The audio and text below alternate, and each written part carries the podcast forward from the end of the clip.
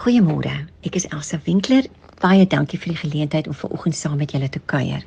Ek lees graag vir julle voor 'n gedeelte uit uh, Vreugde vir Larissa wat pas by Lux Verbi verskyn het. En dankie vir die geleentheid dat ek dit kan doen. Uh, ek lees 'n stukkie uit hoofstuk 16. Naastiglik gry sy oë oor die rye, soek soek na 'n blonde kop, maar hy sien Larissa nêrens nie. Waar is sy? 'n Beweging uit die hoek van sy oog trek sy aandag. Aan die onderkant van die teater, skuins langs die verhoog, draai 'n man al in die ronde terwyl hy oor 'n twee-rigting radio praat. Langs hom is 'n vrou wat duidelik ook na iemand soek. Beide het gewone klere aan. Moontlik die speler wat Larissa sou gebel het. Terwyl die gedagtes deur sy kop flits, beweeg sy voete reeds. Hy draf die trappies twee twee af. Hy's amper by die man en vrou toe hulle omswaai. Die man in die rigting van die winkelsentrum beduie en die twee begin hardloop. Gideon Derek is iewers agter hom, maar hopelik sien sy broer hom, want hy gaan beslis nie nou omdraai nie. Hy het geen idee wie die man en vrou voor hom is nie, maar iets in sy binneste sê vir hom hy moet hulle volg. Die hoofpyn is met mening terug. Hy's effens naar, maar hy is net van een ding bewus. Kom by Larissa uit en vat haar so ver moontlik weg. Here, help haar, beskerm haar. Larissa hou haar kop stil, maar haar oë soek voor na iemand wie se aandag sy kan trek. Heelwat mense hier in die parkeerarea, almal aan die gesels en besig om inkopies in hulle motors te laai. Sy's nie bang nie. Gegee haar situasie, is dit 'n vreemde gevoel. Maar sy gaan heelheids hieruit kom, sy weet dit nie. Haar sintuie werk oor tyd. Die twee mans aan weerskante van haar het nog nie weer gepraat nie, maar hulle is snaar styf gespan en hulle koppe beweeg aan mekaar heen en weer heen en weer, heen en weer. Die revolver bly styf teen haar sy gedruk. Van voor af kom 'n man aangestap. Hy praat op sy foon, maar iets in sy houding laat haar weer 'n keer na hom kyk. Hulle ontmoet vir 'n breekdeel van 'n sekonde voordat hy weer doenig raak op sy foon. Ricardo het dit ook gesien. Vinniger, Joe, hol, loop kry die kar. Joe los sy elmboog en begin hardloop. Ricardo druk die revolver stywer teen haar lyf. Niks naaks probeer nie, hoor jy? Hy draai om, kyk agter hom. Regs van haar gaan 'n motordeur oop. Ricardo pluk haar tot stilstand. Die man wat uitklim, kyk nie eens in hulle rigting nie, maar draai weg en stap in die rigting van die sentrum. Ricardo stamp van agter sy struikel vorentoe en val amper. En skielik verfies hy haar van voor af. Vir die eerste keer is daar afstand tussen hulle. Terwyl sy haar lyf oorheen trek, kry sy haar handstuk beet wat oor haar skouer hang en swaai dit met al haar mag na Ricardo.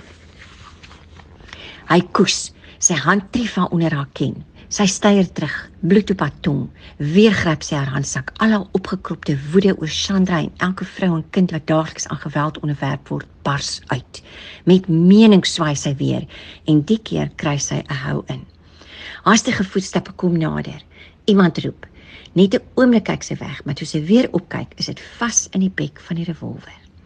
Haar asem raak weg alle ander geluide sny uit.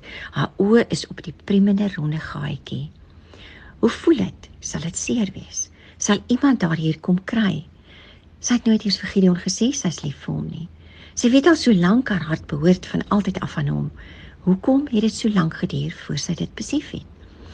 Gideon hardloop vol spoed agter die man en vrou aan. Die volgende oomblik haal elkeen van hulle 'n revolver uit en skarrel tussen die motors deur in die rigting van die uitgang. En toe sien hy wat hulle moes gesien het. Hy skaats tot stilstand. Larissa.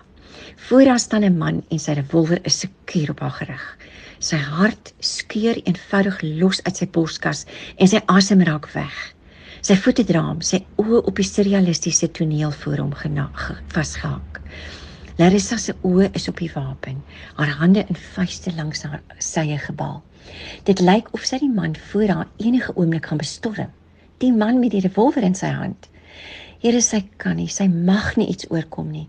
Hou haar vas, beskerm haar. Van agter hom kom 'n motor aangejaag.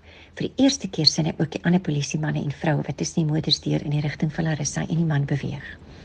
Die geluid van die motor dring tot Larissa deur. Met skreeuende bande hou dit by hulle stil. Joe, die polisie, sy kyk nie weg nie. Sy hou net die revolver dop. Ricardo se oë beweeg vir 1 sekonde weg. Dit is al wat sy nodig het. Sy duik agter die naaste motor in. 'n Skoot gaan af. Mense skree.